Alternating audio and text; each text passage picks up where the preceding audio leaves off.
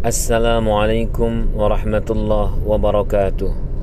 Tadabbur Hikam Al-Busti Kalam Hikam yang ke-18 Bismillahirrahmanirrahim. Qala al-muallifu rahimahullah ta'ala Asyih Abdul Fat Al-Busti berkata dalam kitab Unwanul Hikamnya Man kana lil'aqli sultanun alaihi ghada Wa ma ala nafsi lil'hirsi sultanu Sesiapa orang yang memiliki kekuasaan atas akalnya, maka dia akan mendapati jiwanya tidak serakah terhadap dunia.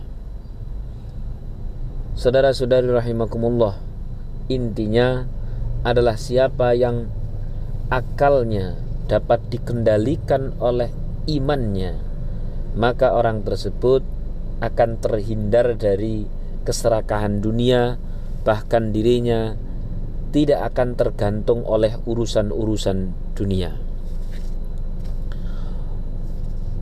Saat seseorang bisa memaafkan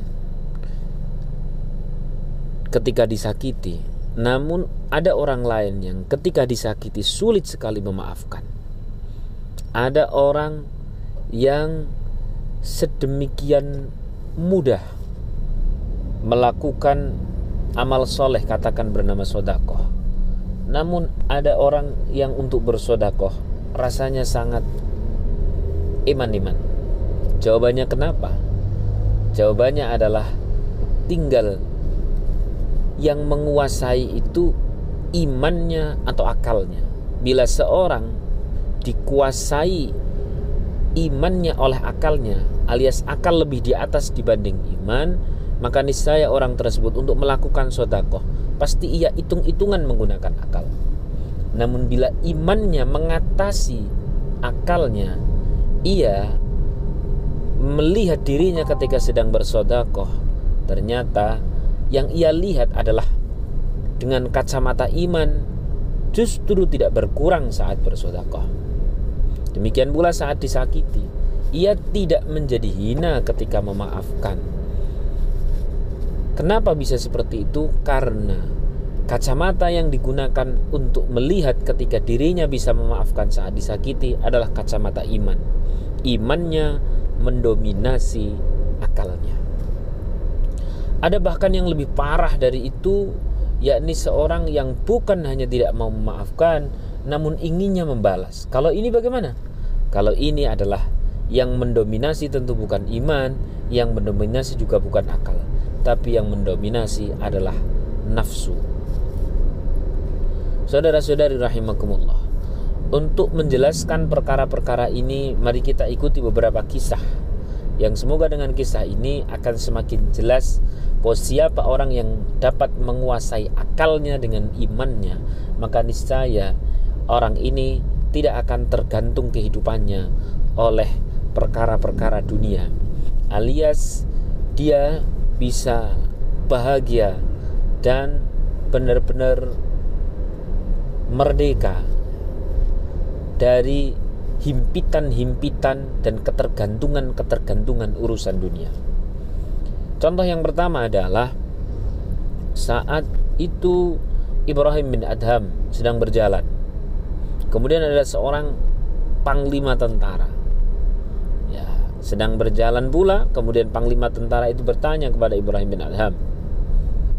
Yang kala itu tentara tersebut tidak tahu bahwa orang yang ditanya adalah ternyata seorang syekh besar, guru besar bernama Ibrahim bin Adham. Tentara tersebut berkata, "Hei orang, di manakah tempat yang ramai di sini?" Nah, orang seperti Ibrahim bin Adham memang orang sufi, orang aneh. Jawabannya ya, ya jawabannya tentu aneh yang rame itu kuburan mas. Seketika tentara tersebut tersinggung dan langsung memukul dengan pukulan yang dahsyat yang dilontarkan ke kepala Ibrahim bin Adham das. Singkat cerita kemudian ini tentara terus berjalan hingga ada orang yang melihat kejadian itu. Dan dia berkata, "Wahai tentara, tahu nggak siapa yang baru saja engkau pukul?" Nggak tahu. Itu adalah guru besar kita. Itu adalah syekh. Itu adalah ahli ilmu ulama kita. Uh, kalau begitu saya harus segera minta maaf. Kemudian tentara tersebut langsung mencari Ibrahim bin Adam dan meminta maaf. Apa yang terjadi kemudian? Yang terjadi kemudian justru Ibrahim bin Adam mengatakan demikian jangan minta maaf. Malah saya yang terima kasih. Dan sebagai ungkapan terima kasih saya kepadamu aku doakan engkau mendapatkan ridha Allah dan masuk surga. Kaget ini tentara? Dia yang memukul malah diterima kasih sama Ibrahim bin Adham. Bertanyalah ini tentara uh, kenapa engkau malah berterima kasih saat saya pukul? Ibrahim bin Adham menjawab iya saat engkau memukulku berarti engkau menyakitiku. Dan saat aku tidak membalasmu maka berarti aku mendapatkan pahala besar di hadapan Allah keridhaan besar di hadapan Allah. Yang keridhaan Allah itu pahala besar di hadapan Allah itu lantaran engkau. Maka wajar bila aku ini berterima kasih kepadamu dan sebagai wujud terima kasihku berdoakan engkau semoga masuk surga. Masya Allah ini kalau pakai akal orang dipukul pasti pengen bales kisos kalau pakai nafsu balesnya pasti pengen lebih parah tapi ini pakainya iman Kacamata iman dapat melihat apa-apa yang tidak terlihat.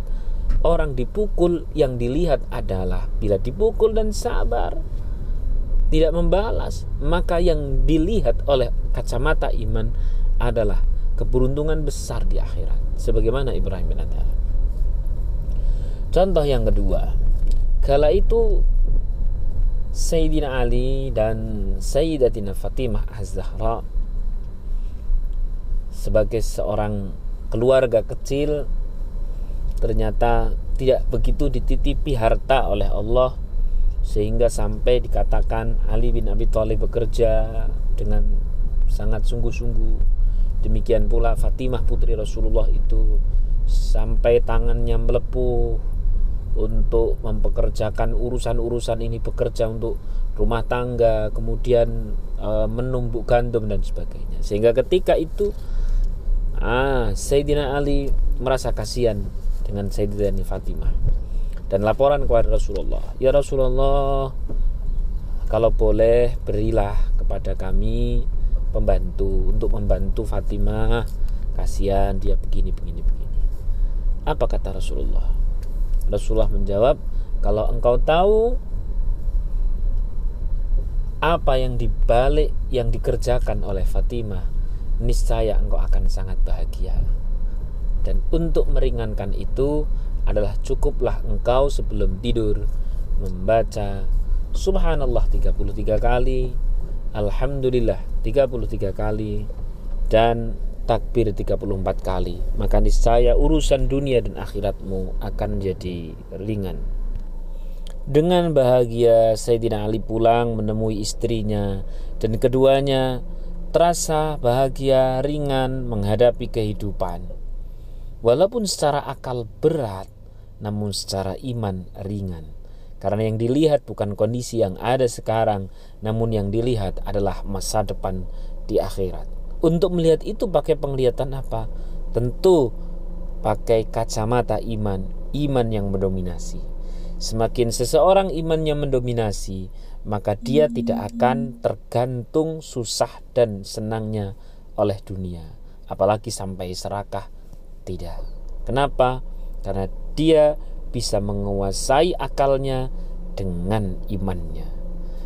Demikian dulu semoga bermanfaat. Kita akan lanjutkan kembali di hikam ke-19 insya Allah besok setelah sekian lama libur kita mulai lagi semoga bermanfaat tunggu terus setiap harinya saya Kang Riyad dari Hikam Pondok Doaku. Terima kasih untuk seluruh donatur yang turut pembebasan lahan. Ini masih dibuka pembebasan lahan. Silahkan hubungi admin. Semoga setiap senti lahan yang Anda turut bergabung uh, patungan itu akan menjadi kebaikan dunia dan kebaikan akhirat untuk saudara-saudari semua. Dari saya Kang Riyad dari Kamar Doaku. Assalamualaikum warahmatullahi wabarakatuh.